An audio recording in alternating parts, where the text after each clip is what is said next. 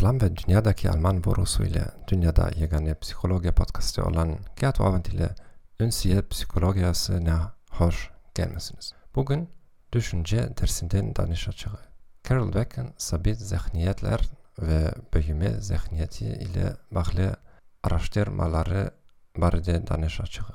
Carol Dweck, Stanford Üniversitesi'nin psikoloji profesörüdür. Onun Mindset, The New Science of Success Düşünce terzi Uyur'un yeni ilmi kitabı Beynel Halk bestsellerdir. Sabit düşünceye sahip insanlar ağırlarların ve şahsiyetlerin az veya çok derecede değişilmez olduğuna inanıyorlar. Büyüme düşüncesine sahip olan insanlar zekalarını ve şahsiyetlerini değiştirebileceklerine inanıyorlar. Onun nezariyesinin ünsiyetimiz için tesirleri nedir?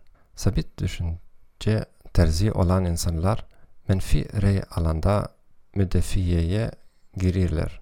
Çünkü bu onların imajını tehlikedir. Uğursuzlukla karşılaştıkta esebileşirler. Vaziyetleri ahmak müşteriler, nezaretçiler veya hemkarlar veya kabiliyetlerinin olmamasını men ahmakam günahlandırırlar. Vaziyetleri öğrenmekten çekinirler çünkü uğursuz olabilir ve ahmak görünebilir. Hong Kong'daki bir üniversitede bir işte sabit bir düşünce terzi olan ilk tekstil ilindeki talebeler İngiliz dilinde çatışmazlıkları olsa da İngiliz dili kurslarına gitmek istemediler.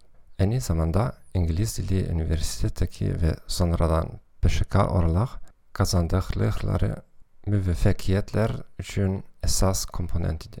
Sabit düşünceye sahip olan işçiler, şirketleri tarafından teklif olunan tekstil imkanlarından çekinebilirler. Herkese ne kadar ağırlı olduklarını göstermeye yöneldiler ve yeni başarıların inkişafından çekinirler. Her şey yaxşı olduğu müddetçe sabit düşünceli insanlarla büyüme düşünceli insanlar arasındaki farkı görmek çetindir. Ünsiyetinizde problem yaşadığınız zaman ne hissedirsiniz?